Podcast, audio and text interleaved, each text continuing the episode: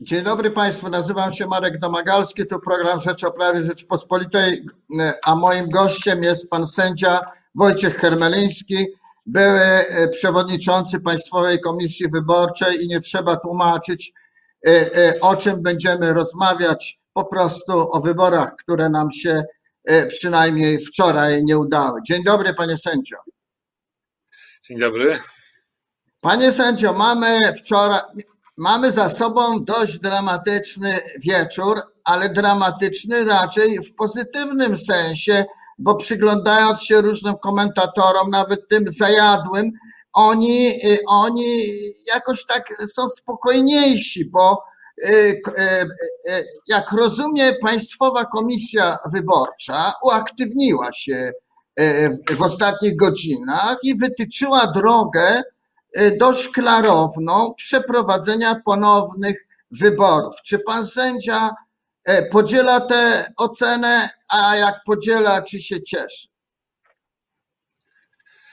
E, no, Państwowa Komisja Wyborcza dobrze, że wreszcie przecięła ten chocholitaniec i, i wreszcie mamy pewną jasność. Oczywiście e, na pewno znajdą się krytycy tej, tej uchwały Państwowej Komisji Wyborczej, bo oczywistym jest, że no, po tym, co się stało, czy po, tej, po tym działaniach władzy państwowej, która doprowadziła do takiej sytuacji, no, każda, każda próba rozwiązania jest, może być obarczona jakąś wadą. No, wyjątkiem było, byłoby wprowadzenie stanu nadzwyczajnego, stanu klęski żywiołowej, no, ale wiadomo, że do tego nie dojdzie, więc nie ma już co tej sprawy ciągle tutaj omawiać i tego powtarzać. Trzeba skupić się na jakichś drogach, które prowadzą do rozstrzygnięcia pozytywnego, czyli do wyborów, e, które się powinny przed 6 sierpnia odbyć. I uważam, że podjęta przez Państwową Komisję droga, oczywiście no można mieć tutaj zastrzeżenie, że jest to troszkę rodzaj pewnej fikcji. Przyjmuje się, że nie było żadnego kandydata w sytuacji, kiedy oni byli, no ale byli od strony formalno-prawnej, ale faktycznie kandydatów nie było, no bo nie było ani, e, nie mieli wyborcy czy kart do głosowania doręczonych, nie było komisji, więc tutaj przyjęła komisja ten, ten stan jako równoważny temu stanowi, o którym mówi kodeks wyborczy w artykule 293 paragraf 3. Uważam, że, że w sumie dobrze się stało.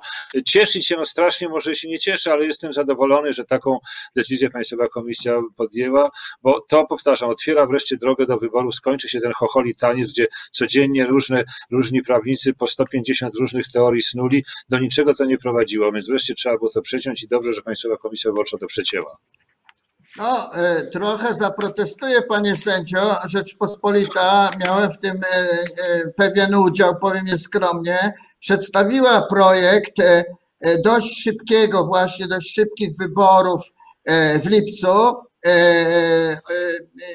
nie przesądzając, czy na początku, czy na końcu lipca, ale z udziałem Sądu Najwyższego, z, z przewidzianym e, terminem na protesty wyborcze, ale tutaj y, Państwowa Komisja Wyborcza uprościła stronie rządowej organizatorowi wyborów. No ona sama trochę też jest organizatorem wyborów, e, coś ma do powiedzenia.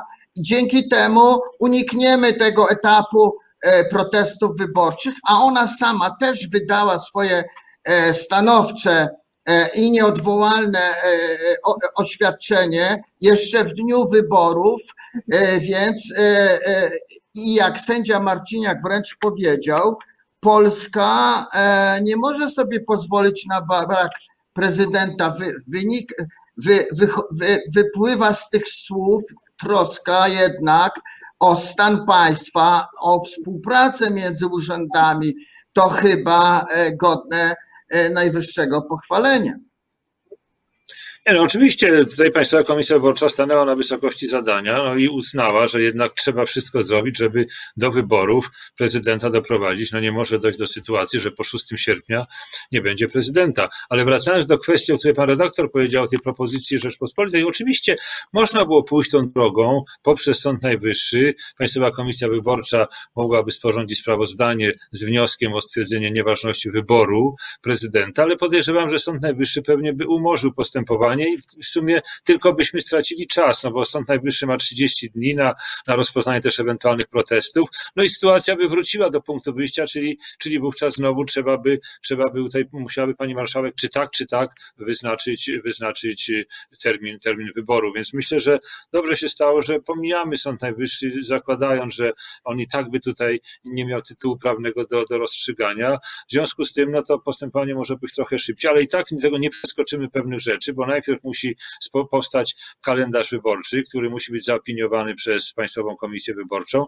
Potem pani marszałek wyznacza termin wyborów, no i ale przede wszystkim trzeba zmienić prawo, no bo ta ustawa kopertowa się do niczego nie nadaje. Tam 90% tej zawartości, która e, daje podstawę rządowi, ministrowi, czyli organowi politycznemu do przeprowadzenia wyborów, no powinna być usunięta, tak jak, tak jak e, powiedziała Państwowa Komisja Wyborcza, tak jak słyszę też głosy dochodzące tutaj ze strony Prawa Sprawiedliwości i Porozumienia, no, że musi być to prawo sporządzone przyzwoicie z przywróceniem e, uprawnień Państwowej Komisji Wyborczej. W ogóle uważam, że powinien być zastos, powinny być zastosowane wszystkie przepisy kodeksu wyborczego do tych nadchodzących wyborów. No, jest tylko, panie sędzio, jedno ryzyko i, i, i być może duże, żeby uchwalić w Polsce Anno Domini 2020 ustawę, trzeba mieć zgodę opozycyjnego, ostro opozycyjnego Senatu, który dał popis wykorzystywania swoich 30 dni, e, a no i jest ryzyko, że znów wykorzysta. Wprawdzie e, wybory mają się odbyć w ciągu 60 dni, więc strona rządowa, powiem tak w pewnym uproszczeniu, bo i PKW ma e, e, tu wiele do powiedzenia, a może będzie miała jeszcze więcej, pewnie zdąży, ale jakiego się pan spodziewa zachowania Senatu w tej sytuacji, bo jaki powinien być, to wiemy. Nie muszę o to pytać pana sędziego. No tutaj z panem redaktorem się nie, nie zgodzę co do tej roli Senatu, jaką e, odegrał w tych przy, przy poprawianiu ustawy uchwalonej przez Sejm, bo gdyby Sejm przyzwoicie tę ustawę uchwalił nie w ciągu czterech godzin, tylko gdyby zasięgnął opinii komisji, opinii ekspertów, mogłoby to potrwać kilka dni, nawet do tygodnia, ale by to było uchwalone przyzwoicie. Poza tym można było to wcześniej zrobić, można było już na początku marca tę uchwałę, tę ustawę uchwalić. Wtedy Senat niewątpliwie nie musiałby tego wszystkiego naprawiać, czego przeprowadzać, czego Sejm nie przeprowadził. Myślę, że teraz, jeżeli Sejm tę ustawę uchwali w sposób tak, jak powinien, ja myślę, że powinna być to nowa ustawa, bo poprawianie tej fatalnej ustawy, tak zwanej kopertowej, zawsze jak się poprawia coś złego, to wychodzi jeszcze gorsze, więc powinno się uchwalić nową ustawę. No ale załóżmy nawet, załóżmy, że pewnie będzie chciał ustawodawca poprawiać tę ustawę złą, więc myślę, że powinien to zrobić w sposób taki, żeby gwarantował te, prawidłowość przeprowadzenia całej tej procedury legislacyjnej. Wtedy Senat nie będzie tutaj poświęcał dużo czasu na naprawę tego, bo nie wyobrażam sobie, nie zakładam, że będzie coś chciał Senat utrudnić złośliwe postępowanie, bo, bo nie, nie, nie, nie, nie, nie, nie, nie zgodzę się z twierdzeniem, że, że w przeszłości to zrobił. Natomiast myślę, że tutaj czas no, jednak odgrywa rolę i powinny oba te organy, obie izby parlamentu jednak e, e, wspólnie, wspólnie przeprowadzić to postępowanie, tak, żeby nie trwało to zbyt długo, ale żeby można było przyzwoicie to prawo skonstruować. I, i, i, ale ale na, to, na to trochę czasu potrzeba, w związku z tym też uważam, że pani marszałek, to już oczywiście ja tu nie mogę niczego narzucać, ale pani marszałek też nie powinna się spieszyć z takim wyznaczaniem terminu wyborów już na czerwiec, bo, bo jednak no, myślę, że trochę jednak ta przeprowadzanie prawa będzie, będzie trwało, uchwalanie prawa będzie trwało. Wywołuje pan sędzia kolejne pytanie, kolejny problem. Rzeczywiście zacząłem liczyć e, te terminy i pojawiający się 28 czerwca raczej jest niemożliwy, z tego powodu, że kodeks wyborczy przewiduje na przykład, że zgłoszenie komitetu wyborczego powinno nastąpić na 55 dni przed, przed e, głosowaniem, no czyli musiał, gdyby nawet marszałek Sejmu ogłosiła, zarządziła wybory dzisiaj, no to e, chyba by brakowało. Natomiast to jest sztywny termin, termin trzeba by zmienić kodeks wyborczy także E, ale tak w ogóle patrząc, rozumie panie sędzio, że w tych wyborach, e, które, e, na które konstytucja przewiduje krótszy termin 60 dni, jak w tych wszystkich takich awaryjnych wyborach, e, czyli krótszy niż, niż był na przykład w tych pierwszych rozpoczętych e, w lutym. E, terminy, tak zwany kalendarz wyborczy musi być bardziej wartki, bardziej krótki. No niewątpliwie, no skoro już konstytucja zakłada, że to jest maksimum 60 dni, no to oczywiście e, przepisy tej ustawy epizodycznej, bo to będzie ustawa tylko na, na czas tych wyborów prezydenckich w tym roku, one powinny być też dostosowane do tego 60-dniowego terminu i trzeba będzie odstąpić od tych terminów kodeksowych, no to przepisy jakby szczególne, które mają zastosowanie tylko w tych wyborach, a po wyborach znowu prezydenckich wraca się do przepisów kodeksu wyborczego. Ta ustawa powinna być, prze, być przeprowadzona, przewidziana tylko na, na te wybory, po wyborach powinna utracić moc. Więc, y, ale tutaj no, nie ma nic z tym nic złego, nie jest to żadne naruszenie konstytucji, że terminy będą krótsze, no bo to jest oczywiste, że muszą być krótsze, inaczej byłoby niemożliwe przeprowadzenie wyborów w, tych, w, tym, e, w tym krótszym terminie. Czyli, panie sędzio, e, zupełnej równości bo roz, między kandydatami, którzy do tej pory już startowali, a ewentualnymi, którzy się pojawią, być nie może, bo po prostu ci pierwsi mieli więcej czasu na zbieranie, a nawet jak zebrali, to, to, to być może będzie jakaś forma e, zaliczenia tych wybor, tych podpisów niż ci nowi. To chyba naturalne. No tutaj też, tutaj zresztą słusznie wczoraj pan przewodniczący w swoim wystąpieniu ustnym po podjęciu uchwały powiedział, że to jest kwestia już do decyzji przez ustawodawcę. No, to są nowe wybory, więc w zasadzie no, można by twierdzić, że wszystko dzieje się od nowa i wszyscy kandydaci Ale mają równe prawa. Proszę? Ale mniej czasu mamy ale mniej czasu, tak, no ale wtedy, wtedy wszyscy mieliby mniej czasu, ale z drugiej strony też no, można postawić, patrzeć na sprawę w ten sposób, że ci kandydaci, którzy już są kandydatami, uzyskali już prawo bycia kandydatem przed 10 maja, no przeszli całą procedurę, zarejestrowali komitety, zebrali ponad 100 tysięcy podpisów, zarejestrowali się kampanię, jakąś tam prowadzili, szczególnie w lutym jeszcze, bo przecież pani marszałek podjęła decyzję o wyborach 5 lutego, czyli już można było zacząć działania, no i mogą powiedzieć teraz tak, no przecież to nie jest nasza wina, że do wyborów nie doszło, to władze nawaliły, nie my, więc dlaczego mamy ponosić konsekwencje i jeszcze raz zbierać podpisy? No ale z kolei nowi kandydaci, którzy mogą się trafić, mogą się zgłosić, mogą powiedzieć, no ale ci starzy mieli lepszą możliwość zbierania głosów, bo jeszcze nie było pandemii w lutym, nawet w początku marca, my teraz mamy ograniczone możliwości, mniej czasu, no to trzeba wyważyć te dwie, te, te, te, te, te, te dwie okoliczności. Ustawodawca musi zdecydować, czy zaliczy tamtym kandydatom te głosy i oni już nie będą musieli ich zbierać, no czy też nie, ale jeżeli, jeżeli tak by było, to trzeba tym nowym dać dłuższy czas. W związku z tym powinno się termin wyborów wyznaczyć na możliwie najpóźniejszy moment, żeby oni chociaż ten mieli te półtora miesiąca na, na, na zebranie e, podpisów. Panie sędzio, e, nie udały nam się wybory e, prezydenckie a w trakcie mamy drugie e, wybory, też z problemami pierwszego kandydatów na pierwszego prezesa Sądu Najwyższego. Zarówno pan, jak i ja znamy, no pan mecenas bardziej sądy, choć ja być może nawet częściej w nich przebywałem.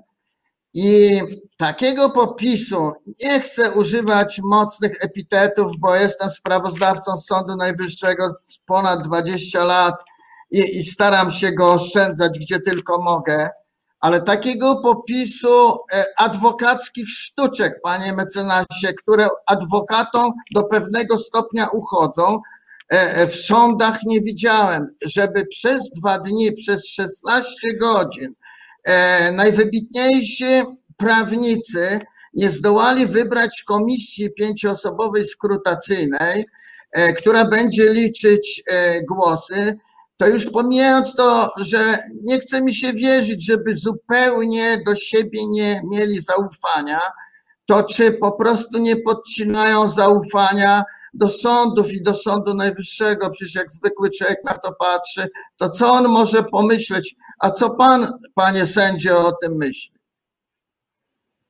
No, jeśli mówimy o braku zaufania, no to przepraszam, muszę to powiedzieć, to niestety tutaj trzeba zacząć od pana prezydenta, który w swoich ostatnich wypowiedziach tak podważył e, autorytet Sądu Najwyższego, e, używając różnego rodzaju, no, powiedziałbym, epitetów w stosunku do sędziów, że, że, że trudno się dziwić, że autorytet sędzio, Sądu Najwyższego i sędziów jest tutaj przez głowę państwa i przez władzę podważany. Ale wracając do, do tej sprawy e, wyboru kandydatów na prezesa, na pierwszego prezesa Sądu Najwyższego.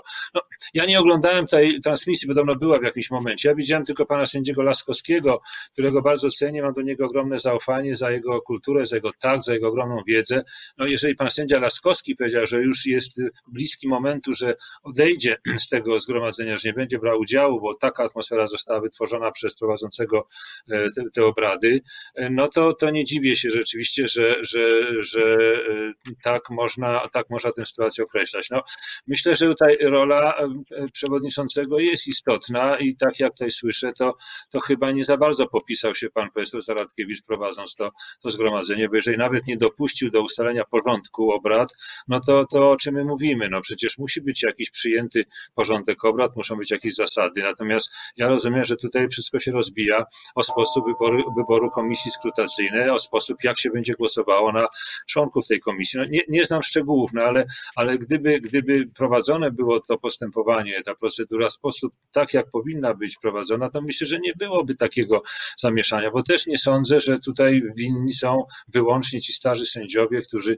zgłaszają, zgłaszają różnego rodzaju wnioski. No ale problem jest taki, że zgłaszane są wnioski, one nie są poddawane głosowaniu, a to jest, to jest wyłączna rola przewodniczącego. On tutaj nie jest, to nie jest pierwszy prezes Sądu Najwyższego, który decyduje i tak jak powiedział jeden z sędziów, no nie może, nie może zachowywać się jak w jednostce wojskowej, tylko no musi uwzględniać wszystkie wnioski i sędziów tych starych i sędziów tych, tych nowych, niezależnie od tego, jak się na, na nich patrzy. Więc, więc tutaj myślę, że to jest duża rola e, przewodniczącego, który do tej roli chyba jednak niestety nie dorósł. Nie chcę na niego zwalać całej, całej tej winy, bo ja mówię, nie, nie widziałem tej transmisji, ale tylko to, co oglądam, jakieś fragmenty wypowiedzi sędziów. Więc myślę, że, że jednak no, powinno, powinno powinien się przewodniczący swoją pierś uderzyć i może zastanowić się nad innym sposobem prowadzenia e, tego, tych obrad, bycia tylko e, e, primum inter pares, jak to powiedział sędzia, sędzia Laskowski, który tylko reguluje, że tak powiem, to, to przedsięwzięcie zmierzające do wyboru kandydatów. Miejmy nadzieję, panie sędzio, i proszę państwa, że na wtorkowym posiedzeniu dojdzie do postępu i do wyboru kandydatów i ten spór się załogodzi. Na usprawiedliwienie sędziego Zaradkiewicza powiem, że e, wielu sędziów nowych mówi, że wina jest po stronie starych i może dobrze, że się stało, że ujawniono te obrady. E, może powinna być transmisja i to nam przypomina starą, fundamentalną zasadę sądów, że sądy powinny pracować otwartą przyłbicą, jawną i każdy z nas by y, mógł sobie wyrobić zdanie, byłaby społeczna kontrola. Dziękuję panie sędzio, panie sędzio przewodniczący. Dziękuję państwu. Do usłyszenia. Dziękuję bardzo.